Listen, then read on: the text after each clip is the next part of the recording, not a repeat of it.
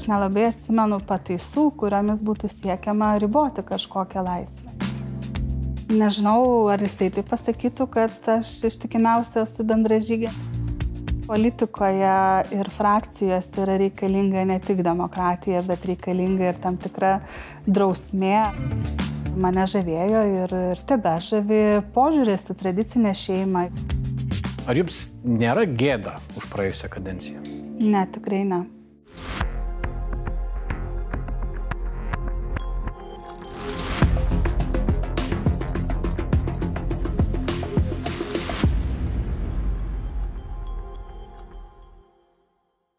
Tai ponė Širinskinė, kokios yra jūsų politinės pažiūros?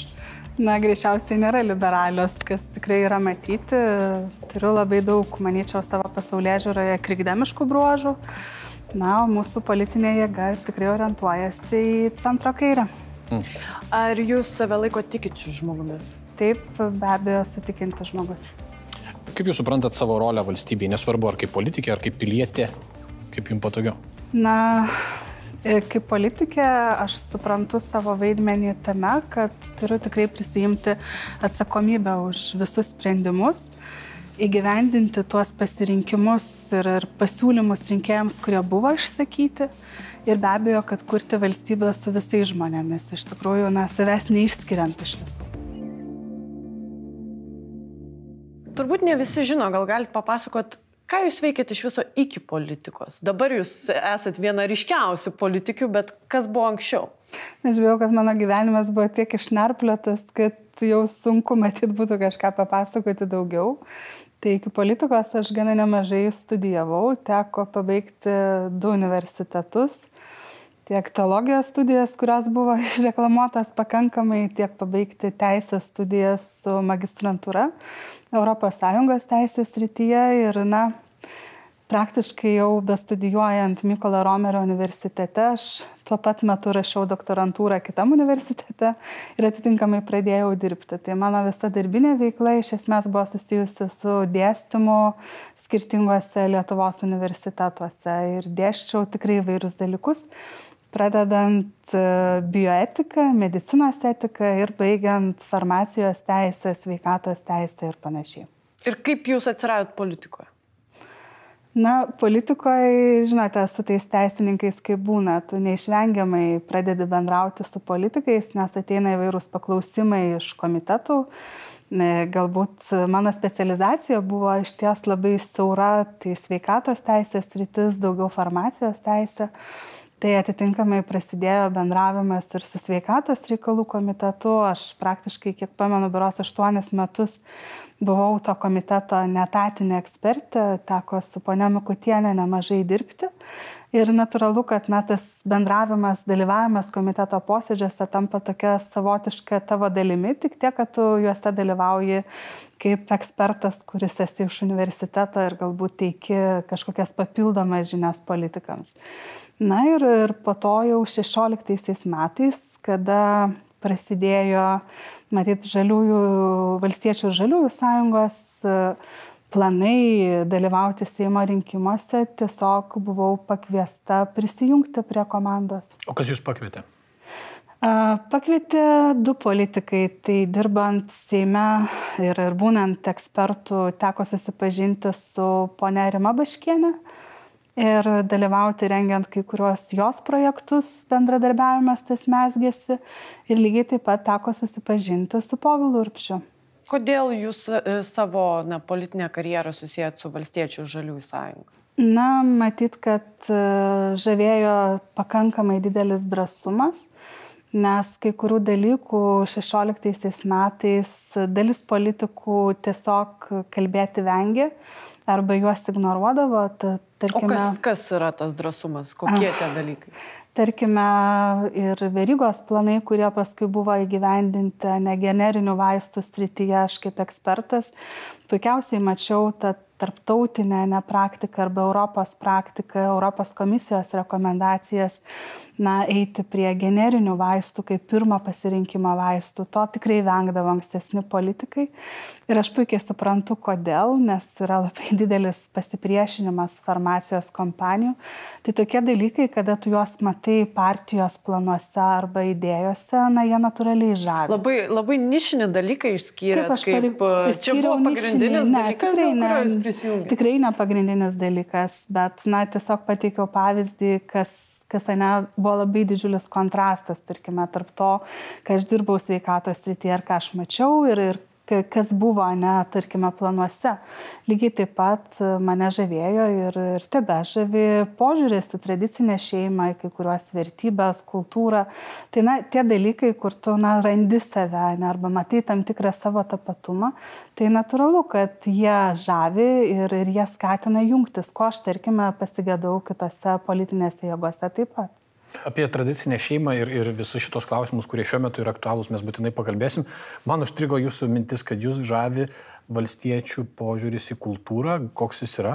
Na, tarkime, tas pats požiūris į lietuvių kalbą, jos išskirtinumą, ne, nuostatos tų pačių raidžių rašymo, ne, ar pavardžių rašymo antrame puslapyje. Tai daug tokių dalykų, kurie na, buvo pakankamai dideli sąlyčio taškai antikorupcinė ta pati politika, kuri irgi buvo viena iš priežasčių, kuri lėmė, ne? nes na, negali sakyti, kad buvo kažkuri viena priežastis, bet taip man tos programinės nuostatos, galų galia pačios programos rengimas, kur 16 metais tikrai tam buvo skirta labai daug dėmesio ir žmonių įtraukimas, tai be abejo, kad na, visa, visas tas kontekstas jisai tikrai padėjo, kad aš atsiradau čia, nes iš tikrųjų aš visai džiaugiausi savo darbu ir nebuvo taip, kad, na, buvo tarsi aš neturėčiau darbo ir ieškočiau savęs ar savo galimybių realizuotis kažkur kitur. Tai man buvo gana sunkus pasirinkimas, aš turiu pripažinti.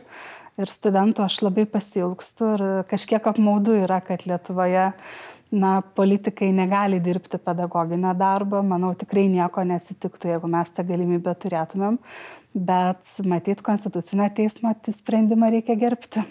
O kaip jūs įvertintumėt e, pirmąją savo kadenciją arba pirmąjį sezoną politinį ketverius metus? Na, tikrai buvo labai sunkus metai.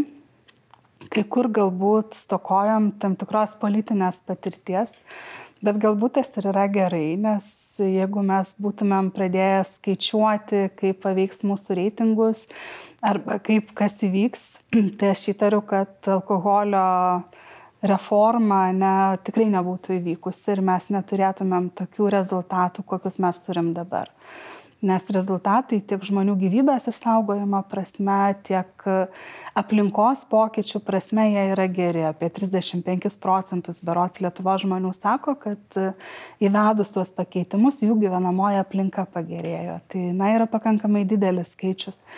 Tai jeigu mes būtumėm turėję tam tikrai skaičiavimą kaip kitos politinės jėgos, kad mes, na, skaičiuojame ir bijome dėl savo reitingų, Tai tų pokyčių tikrai na, nebūtų galėję. Betgi nėra taip, kad jūs negalvojate apie reitingus. Žinokite, Ypač prieš rinkimus. To, Negi jums ne, nesvarbu, ar jūs laimėsit juos ar nelaimėsit. E, rinkimus yra laimėti svarbu, nes tu gali save realizuoti ir gali realizuoti savo programą, bet tai, manau, ne vienintelis dalykas politikoje, nes parduoti savo tapatybę tam, kad tu laimėtum rinkimus, nemanau, kad būtų geras sprendimas.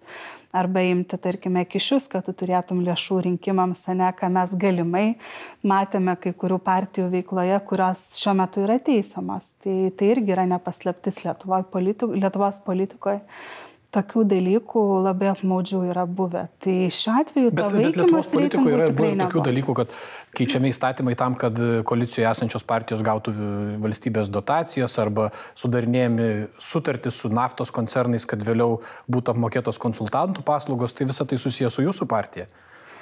E, Ar nesusiję? Aš nemanau, kad tie sprendimai, ypač kur jūs kalbate apie sprendimą skirti finansavimą partijoms, kurios atskyla, buvo vienalaikiai.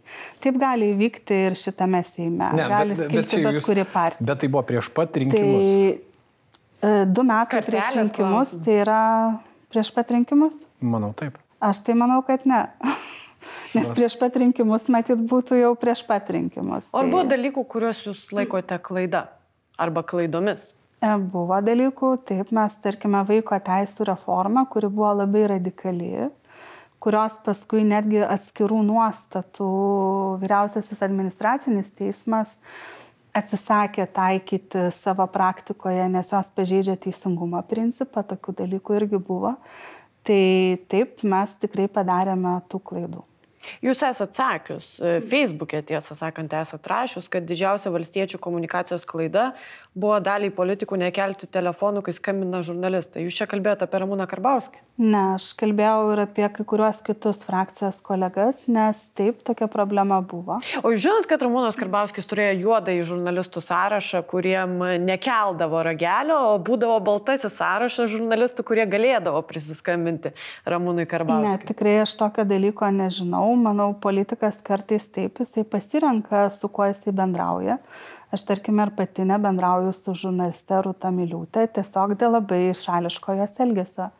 Tai šiuo atveju, na vis dėlto norisi matyti žurnalistus maksimaliai neutralius ir leidžiančius žmonėms kalbėti, o ne tiesiog, kada jie dalina interviu ant jų važiuojančių. Bet jūs sakėt, kad čia klaida buvo nekelti ragelių. Aš tau turėjau kitą omeny dalyką, nes buvo klaida kartais tikrai nekelti telefonų ragelių, neperskambinti žurnalistams, tada, kai jie skambina duoti interviu. Aš nekalbėjau apie tuos išimtinius atvejus, kur nu, tu tiesiog supranti, kad pokalbis su žurnalistu vyksta ne dėl to, kad yra norima išgirsti tavo nuomonę, o dėl kitų priežasčių. Stebint jūsų veiklą politikoje, bent jau iš mūsų pozicijos, iš žurnalistų pozicijos, kartais sunku suprasti jūsų motivaciją. Gal galit paaiškinti, kokios patirtis arba vertybės lemia jūsų politinį elgesį, jūsų politinę veiklą? Kas o... yra? Kas yra jūsų motivacija? Aš nelabai suprantu netgi jūsų klausimą, kokius mano elgesio motyvus jums sunku suprasti. Tai jeigu duotumėt pavyzdžių, tai labai mielai. Apskritai jūsų politiniai veikloj, kokios yra jūsų vertybės? Tai be abejo tos vertybės, kurios yra įrašytos partijos programoje, nes tu ateini natūraliai. O kokios konkrečiai vertybės yra valstiečių partijos programoje? Gal galėtumėt pavardinti tiesiog, kas jums Na, svarbu yra? Mes tikrai vertybės e, savo esame aiškiai išsakę ir praktiškai kiekvienoje rinkimų programos preambulėje jos yra. Tai jau ir tradi... mano minėta ir tradicinė šeima, ir be abejo žalioji ekonomika na, mes natūraliai esame valstiečių ir žaliųjų sąjunga, lygiai taip pat tautiškumas, pilietiškumas ir kitos. Tai šiuo atveju taip, tai yra tos vertybinės nuostatos, kurios mūsų programą persmelgia. Be abejo, mes, manau, tikrai labai daug padarėme, ypač kada žiūri į korupcijos prevenciją. Ir antikorupcinį veikimą mes taip pat laikome vieną iš pagrindinių savo vertybių.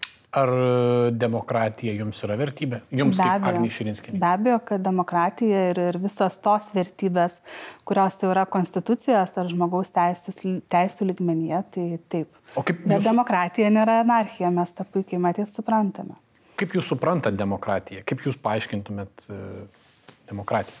Jūs kaip tik sakėt, kad demokratija nėra anarchija. Tai, tai žinoma, Nes demokratija be abejo yra kitų žmonių laisvių ir, ir teisų gerbimas, dėl to jinai tikrai nėra anarchija. Ir mano vienas profesorius universitete mm, sakydavo taip, kad paprastai na, demokratija baigėsi ten, kur arba vieno žmogaus laisvė baigėsi ten, kur prasideda kito žmogaus nosis. Ne? Tai šiuo atveju gali sakyti, kad e, viena ne žmogaus teisė arba jo galimybės reikštis baigėsi ten, kur prasideda kito žmogaus teisės. Tai demokratija be abejo yra žmonių teisų, nuomonių įvairovės pusiausvyra ir, ir gerbimas. Tai manau, kad tie visi dalykai yra pakankamai Lietuvoje, turint 30 metų nepriklausomybės, aiškus ir suvokiami. Dėja, mes matome šiek tiek kartais kitus dalykus, kas tikrai yra labai, labai apmaudu, netgi matant tarkime, tą patį valdžios elgesį su šeimų maršu dabar. Jūsų citata 19 metais pasakyta, e, Karbauskio problema yra per daug demokratijos, tada ta demokratija kartais gimdo ne visai tinkamus sprendimus. Gal galėtumėte išplėtoti šitą mintį? Na, matote, kartais politikoje ir frakcijose yra reikalinga ne tik demokratija, bet reikalinga ir tam tikra drausmė arba gebėjimas veikti kaip kolektyvui. Ir kada tu turi, na jau ne visai demokratija, o anarchija ir bandai mm, taip laisvai labai suderinti visų nuostatas, tiesiog kartais tampa pakankamai sudėtinga priimti sprendimus. Tai šiuo atveju, na, šitą demokratiją šiuo atveju turėjau omenyje šiek tiek kaip tokią demokratiją, kuri leidžia iš esmės įvykti anarchiją. Drausmė uh, frakcijai. Valstiečių frakcija visą laiką buvo na, linksniuojama dėl to, kad buvo sakoma, kad ten yra kietos rankos valdymas frakcijoje, jūs dabar sakot, kad yra svarbi drausmė, O kaip tai suderinama su Seimo nario galimybė turėti savo nuomonę? Na, matote, aš kaip pasižiūriu konservatorius, aš tada suprantu, kad va, ten yra drausmė, nes tokie dalykai, kaip įvyko su tais 13 berots, nekrikdamų, kurie pradėjo kalbėti apie tai, kad reikia daryti referendumą dėl pilietybės, ne, ir jiems baigėsi tuo, kad partnerystės. Partijos, partnerystės. Ir jiems baigėsi tuo, kad partijos prezidiumas pasakė, nepriemė sprendimą, kad jūs negalite apie tai. O kaip baigėsi Tomui Tomilinui, kuris balsavo už partnerystę? Tai vat, šiuo atveju ten aš matau tam tikrą na, politinę drausmę, kuri balansuoja ant tos ribos, kur jau Čia, yra problema. Aš noriu sustai. Dabar grįžtant tai, prie Tomo. Tomui Tomilinui yra drausmė, jūs sakėte? O jam nutiko kažkas? Nu, jūs sakėt, kad reiktų jį svarstyti, ar jisai vertas būti frakcijai. Ne, tikrai aš to niekada nesakiau. Buvo paskelbta, Ramūnas Karbauskis sakė, kad galbūt partija apsvarstys, ar jis gali būti partijoje ir jūs sakėt, kad tai yra išdavystė, e, vadino Tomo Tomilino žingsnė, na, balsuojant už partnerystės įstatymą. Taip. Tokia išdavystė, kokios jūs nesitikėjot ir ten rašyt, kad prarado tam ir taip toliau. Mhm. Tai ar tai nėra e, toks pats, na, kaip jūs kalbėjote apie konservatorius, toks pats susidorojimas su kita nuomonė turinčiu, kitaip manančiu žmogumi? Tai matyti, reiktų kelis dalykus atskirti, nes čia yra keli dalykai. Tai viena vertus, tai tikrai niekas nekėlė klausimą dėl Tomo Tamilino narystės partijoje ar frakcijoje, tai tokių pasisakymų nebuvo. Ir aš tą tikrai labai gerai žinau, gali būti, kad partijos bičiuliai tikrai diskutuos dėl jo elgesio, nes šiuo atveju situacija Tomilino yra šiek tiek kita negu tų konservatorių 13. Nes mūsų partijos programoje labai aiškiai buvo pasakyta, kokio pobūdžio mes įstatymo projektą remsime dėl partnerystės.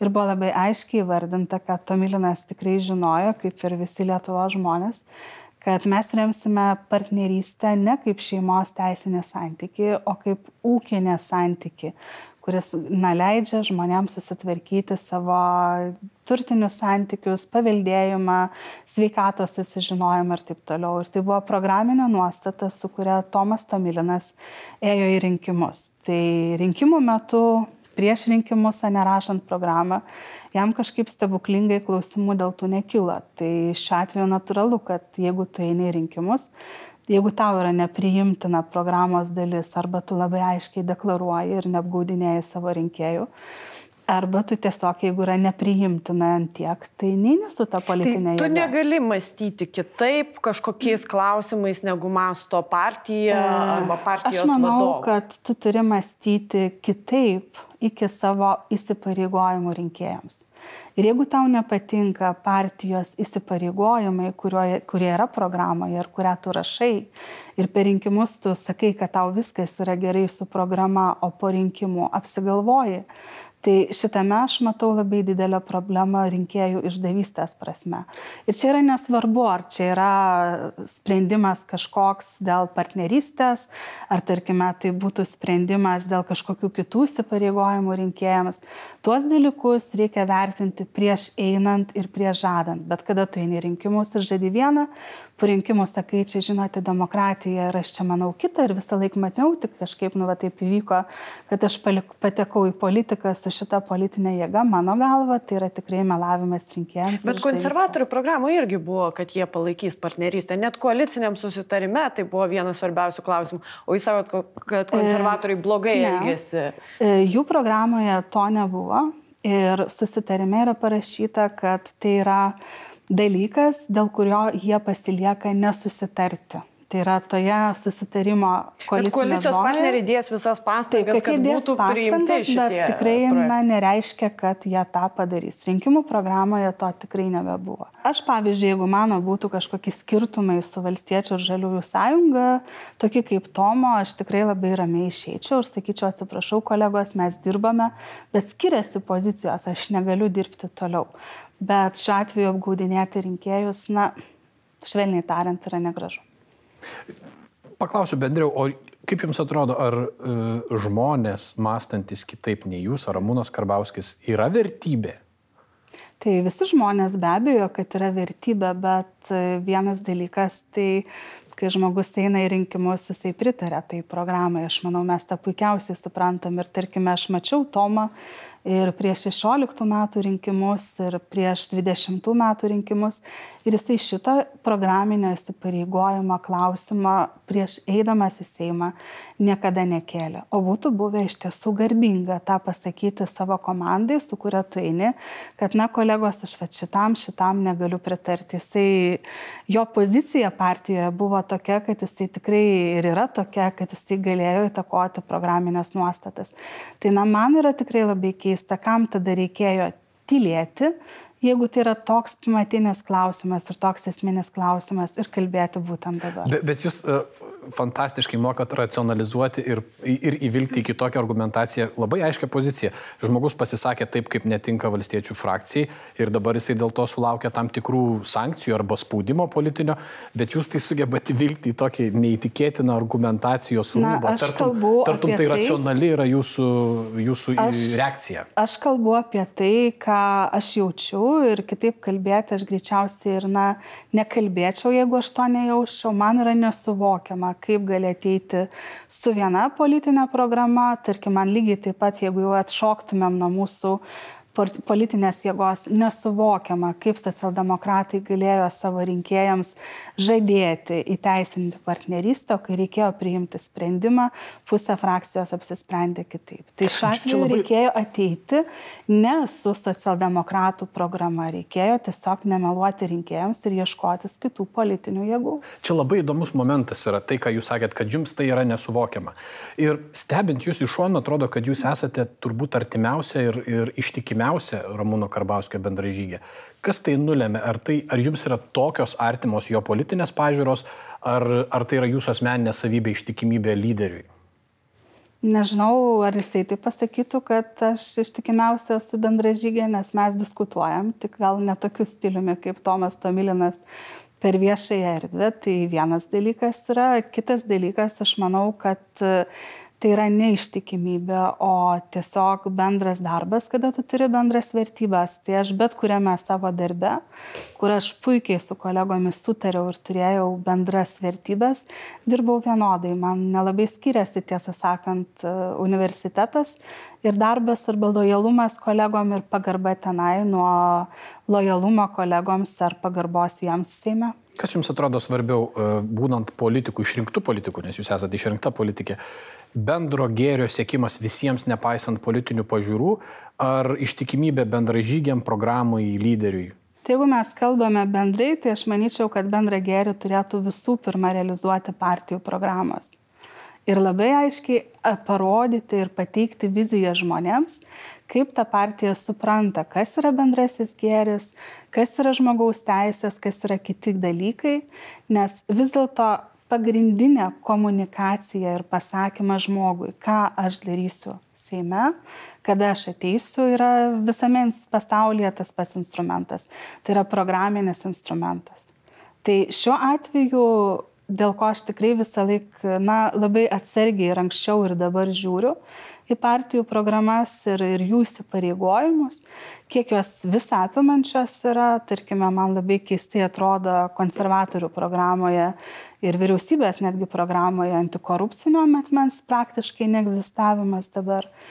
Tai, na, jos turėtų tikrai būti maksimaliai viską apimančios ir tą bendrąjį gėrį arba gerovės valstybę, ar kaip mes ją beivardintumėm, iš tikrųjų atskleidžiančios, kaip konkreti politinė jėga ją supranta ir gyvendins. Tai reiškia, kad svarbiau yra ištikimybė politiniai programai lyderiui. Ir per tai jūs sakot, galima pasiekti ir tą kitą indą. Ne, jūs mane blogai interpretuojate. Ne, aš, aš klausiu jūs, ar taip? Aš sakau, kad kadangi jūs priešinate bendrąjį gėrį ne, ir, ir visas tas gerovės e, koncepcijas programams, aš sakau, kad jos visų pirma turi įgyvendinti bendrojo gėrio viziją, kurią kiekviena partija turi. Ir turi kartais labai skirtingas, jeigu mes žiūrėtumėm, tarkime, į tuos pačius liberalus, konservatorius ar mūsų politinę jėgą. O kiek e, dabar e, Ramūnas Karbauskis daro įtakos jūsų sprendimam, dabar, kai jis nebėra nei frakcijos narių, nei Seimo narių?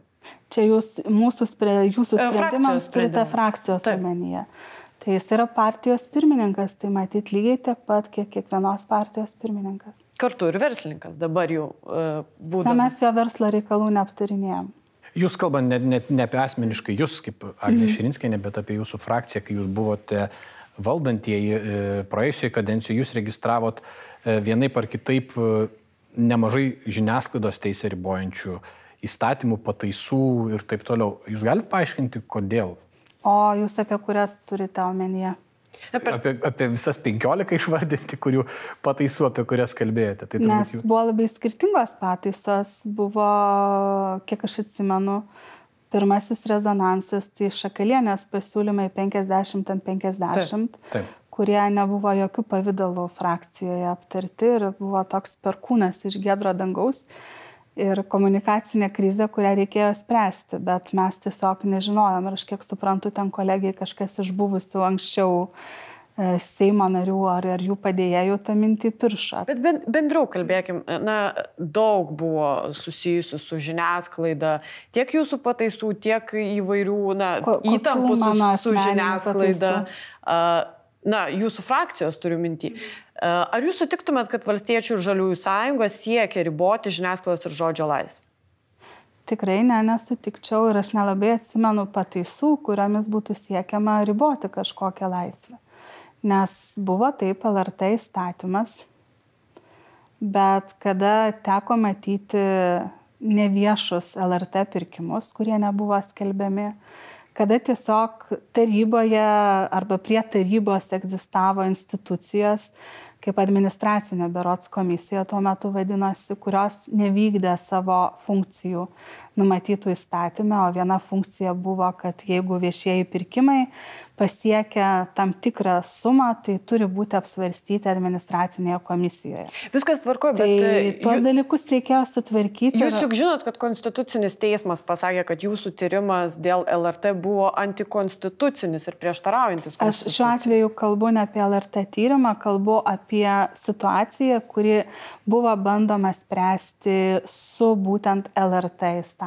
Beje, šiandien, kai mes įrašinėjom laidą, šiandien valstiečių frakcija frakcijos e, Seimo nariai užregistravo rezoliuciją, kurioje siūlo nedelsint atleisti LRT direktorę Moniką Garbačiauskaitę Budrienę. Kaip Jūs manote, ar politikai turi teisę atleisti žiniasklaidos vadovus? Tai jums čia greičiausiai reiktų klausti tų kolegų, nes aš turiu pripažinti, net neskaičiau tos rezoliucijos teksto, nes jisai registruotas yra nesenai. Bet iš principo. Matyt, motyvai kažkokie yra ir reiktų žiūrėti, ar jie patenka į LRT įstatymo rėmus. Mes dabar kalbam apie konkretų dalyką - žiniasklaidos teisės ribojimą. Mes tai matom kaip ribojimą. Jūs sakot, kad taip nebuvo, kad tokių intencijų jūs neturėjot. O jūs galit e, suprasti arba paaiškinti, kodėl, o, pavyzdžiui, tikrai ne mes du, bet ir kiti žurnalistai jautė, Visi, kad, kad Lietuva tarsi eina Vengrijos ir Lenkijos keliu per jūsų valdymą. Jūs turite atsakymą, kodėl taip jautėsi žurnalistai? Na, mane tikrai stebina jaut, tokia jausena, nes aš lygiai taip pat iš kitų jūsų kolegų girdžiu, apie tai, kad kažkodėl jiems kliūva, kodėl yra toks LRT finansavimas ir toks, na, LRT elgesys su savo biudžetu, nes šiandien, jeigu paskaitytumėm kai kuriuos portalus, man atrodo, tai buvo TV3 ir dar kažkuris portalas, kurį aš mačiau, tai yra keliami klausimai dėl to, kodėl LRT tuo atveju, kai galėjo nemokamai transliuoti krepšinio rungtynės, už jas sumokėjo virš berots 3 milijonų Taip, bet eurų. Mes kalbam ne tik apie LRT. Na, jūs tikrai ne pirmą kartą juk išgirdot, kad e, nuomonę, kad valstiečiai siekia riboti žiniasklaidos laisvę. Na, nesakykit, kad pirmą kartą girdit. E, per savo valdymo metus girdėjote. Tai? Tas aiškinimas atsiranda. Nes jei kalbame apie Šakalienės projektą, tai ne kažką bendro. Labai, labai buvo turėjo. konkretus projektas, kai Ramūnas Karbauskis ir kiti kultūros komiteto nariai užregistravo projektą, kurio uždraudė kritika, kritikuoti Lietuvos valstybę ir jo institucijas. Tada net e, Seimo teisės departamentas pasakė, kad tai prieštaravo Europos žmogaus teisų ir laisvių konvencijai. Ir tas projektas, aišku, greitai buvo atsimtas. Daug tokių buvo mažų projektėlių, kurie buvo užregistruoti, tada kilus skandalų greitai e, atsimti. Kiek aš atsimenu tą projektą, ten buvo bandoma įgyvendinti, ar vykusiai, ar nevykusiai, čia kitas klausimas, nes tikrai nesu tame komitete ir nežinau vieną iš kažkurių direktyvų. Ir kažkurios valstybės institucijos siūlymų, bent jau kiek aš pamenu, būtent tą jūsų situaciją. Bet ar jūsų frakcijų buvo, vat, iš šono žiūrint, kaip mes, dirbdami žurnalistai, žiūrėdami iš šono. Na, kas kelis mėnesius atsiranda kažkoks, gerai, kelis mėnesius būna tylu, e, pusę metų būna tylu, tada atsiranda du, trys e, siūlymai kažką riboti. Tada vėl kažkiek laiko tylu, vėl atsiranda siūlymai. Ir kartais atrodydavo, kad jūs tiesiog na, bando tokį, o gal nepastebės, o gal priimsime šitą įstatymą, o gal pavyks vat, e, tokį įstatymą priimti, tada kyla skandalas ir tos pataisos labai greitai būna atsiemamas. Ar frakcijų būdavo tokios kalbos, kad kaip kažkaip tai čia priboti tą žiniasklaidą? Ne, tikrai nebūdavo ir man toks jausmas paralelinio pasaulio kartais, jeigu jūsų toks matymas susiformavo, nes tokių bandymų nebuvo. Buvo didelis rezonansas su LRT įstatymu. Ir LRT buvo komisija. didelė dalimi absoliučiai tas rezonansas nepagrystas. E, buvo keletas daugiau mažiau vykusių projektų, čia yra kita kalba, bet kažkokių kalbėti tendencijų, man toks požiūris tikrai žinant uh, situaciją, kokia jinai buvo, jis yra labai keistas. Bet ponia Širinskė, atrodo, kad jūs nebuvo toj, e, jūs juk buvot narė ir viena ryškiausių narių tos LRT komisijos, kuri buvo pripažinta antikonstitucinė. Tai, tai jau sako, kad na, tai nebuvo viskas gerai su tuo tyrimu ir su bandymu nagrinėti LRT veiklą, nes na, Konstitucinis teismas pasakė, kad politikai Bet to neturėtų daryti. Matote, klausimas, ar tai paneigia tuos faktus, kuriuos nustatė pati komisija? Na, Konstitucinio teismo sprendimas, bent jau šitas jum yra svarbus, jum aš, tai yra veiksnys. Aš nesiginčiu su Konstitucinio teismo sprendimu, aš tiesiog kalbu apie tai, ką mes matėme LRT veikloje. Šiuo atveju bandyti kartais tarp teisėkuros iniciatyvų, kur na, daugiau ar mažiau vykusios formuluotės ar nevykusios, ieškoti piktybiškumo ar, ar kažkokio samoningo veikimo, man tikrai yra labai keista matant tokias nuostatas. Per savo kadenciją jūs buvote viena daugiausiai kritikos iš žiniasklaidos sulaukusių politikų ir Prieš kelias savaitės Edmundas Jekilaitis, būdamas mūsų laidoje, sakė, kad e, dėl jo interviu su Ramūnu Karbauskiu jūs ir valstiečių frakcija Ramūnas Karbauskis ėmė jam keršyti. Jūs ir dabar minite LRT, tuo metu jis dirbo LRT. Ar jūs norėjot kada nors ir ar jūs kada nors keršėt žiniasklaidai? Bet tai yra Jekilaičio asmeninė interpretacija. Aš tikrai, man jinai yra keista. Tai Bet jūs... ar jūs norėjote atkeršyti žiniasklaidą? Tikrai ne niekada nenorėtų už kritiką kažkaip. Tikrai ne. Gal Manau, per... tai yra ir įrodymas, kad aš pas jūs esu. Gal pereikim prie kito, kito įstatymo, apie kurį jau pradėjom šiek tiek kalbėti, bet truputėlį daugiau apie partnerystės įstatymą. Jūs Na, esat viena ryškiausių kritikių e, šito įstatymo ir kodėl taip yra? Gal galite paaiškinti savo poziciją dėl partnerystės įstatymo? Na, vienas dalykas, tai partnerystės įstatymas, jeigu mes žiūrėtumėm į jo visumą ir į patį rengimo procesą, galbūt nuo to reikėtų pradėti, tikrai yra keliantis labai daug klausimų. Patys iniciatoriai, tarkime, bandė labai aiškiai sudaryti įspūdį, kad ten žodis šeima yra nepaminėtas, ne? kad tai tarsi tai nėra kažkas, kas reguliuoja šeimos santykius. Kada mes paimame patį projektą, matom, kad staiga šeimos savoka iš konstitucinio teismo nutarimo yra iš esmės nukopijuojama pažodžiui. Yra išimama žodis šeima ir rašoma partnerystė. Ne? Konstitucinis teismas tame pačiame sakinyje, kur apibrėžė šeimos savoką, jisai pasakė, kad na, pavadinimas, kaip mes įvardiname tą institutą, nėra svarbus, bet konstitu... yra svarbus santykio turinys. Ar mes, ta, Konstitucijos teismas yra pasakęs, kad šeima yra lyčiai neutrali, jau gana seniai? E, mes kalbame apie du skirtingus nutarimus. Aš kalbu apie 11 metų nutarimą, jūs aš įtariu kalbate apie 19 Taip. metų nutarimą. Taip. 19 metų nutarimas buvo priimtas labai siaurame segmente, nes ten buvo kilęs ginčas dėl kitose valstybėse ES narėse sudarytų santokų ir tų asmenų galimybės atvykti į Lietuvą. Bet ten tame sprendime buvo žodžiai, kad šeima yra lyčiai neutrali pagal konstituciją. Tai ką aš noriu pasakyti, kad konstitucinis teismas visą tą išaiškinimą priėmė konstitucinio ginčio ribose. ES teisėje jau senai yra sakoma, kad negali apriboti asmenims, kurie kitoje valstybėje narėje sudarė santoką arba turi kitoje valstybėje narėje sudarytą partnerystę, galimybės atvykti į Lietuvą. Ir Konstitucinis teismas sprendė būtent tą ginčą, nes kažkuri iš valstybės institucijų bandė tą galimybę priboti. Tai iš tikrųjų, na, sprendimas to konstitucinio ginčio buvo akivaizdus, žinant ES teisę. Kaip Jūs vertinat popiežiaus pranciškus pasisakymus apie homoseksualių asmenų partnerystę? Na, aš kiek atsimenu, tai popiežius pranciškus katekizmą neatšaukė, ar jo atšaukė? E, neatšaukė, bet aš klausiu, kaip vertinat jo pasisakymus. Tai jo pasisakymai atitinkantis yra katekizmą, kuris labai yra aiškus.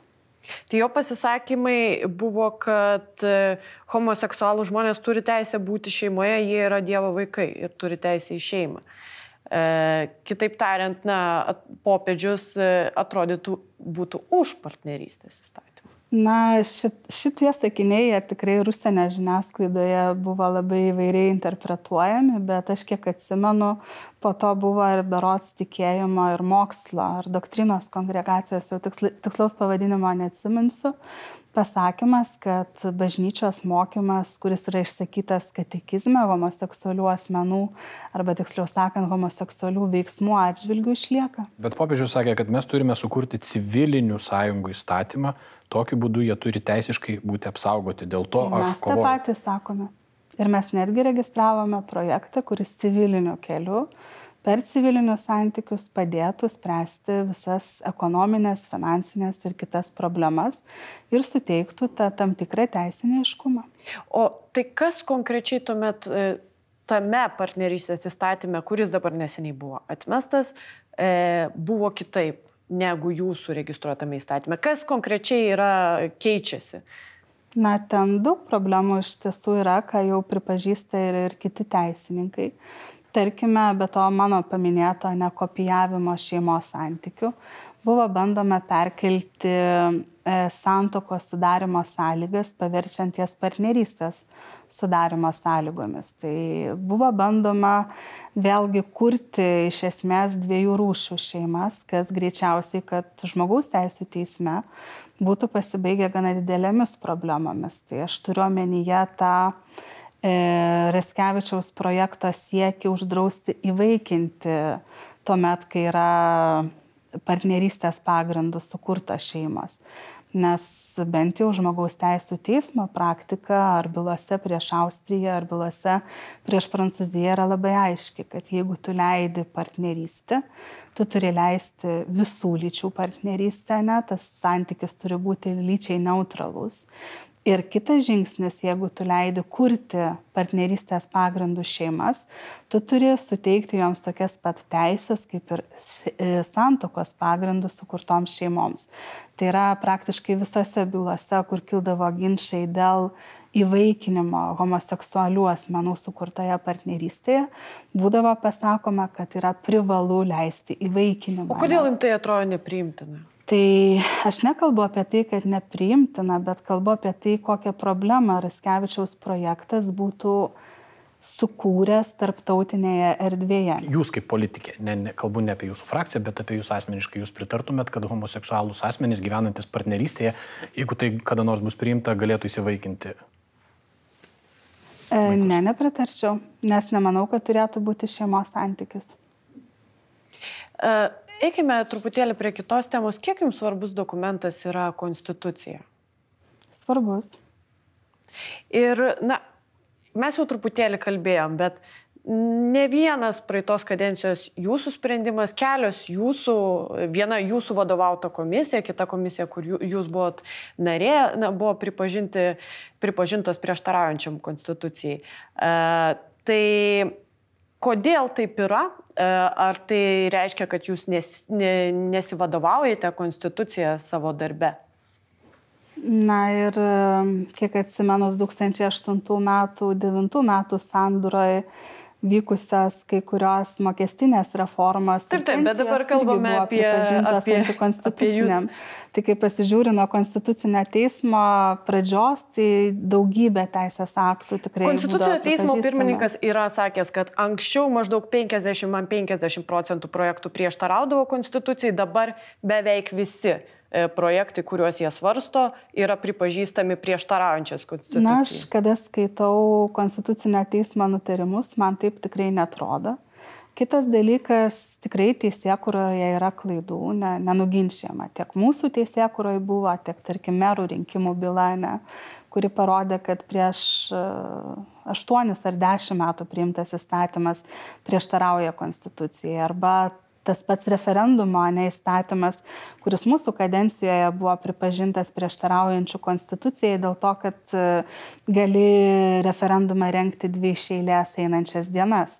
Bet ES stojimo referendumas, nepamirškime, vyko būtent pagal tą įstatymą ir jis įgaliojo anksčiau. Tai taip, tokių dalykų yra, jie be abejo, kad yra apmaudus, bet matyt kitaip ir negali būti, kitaip Europoje nebūtų konstitucinių teismų.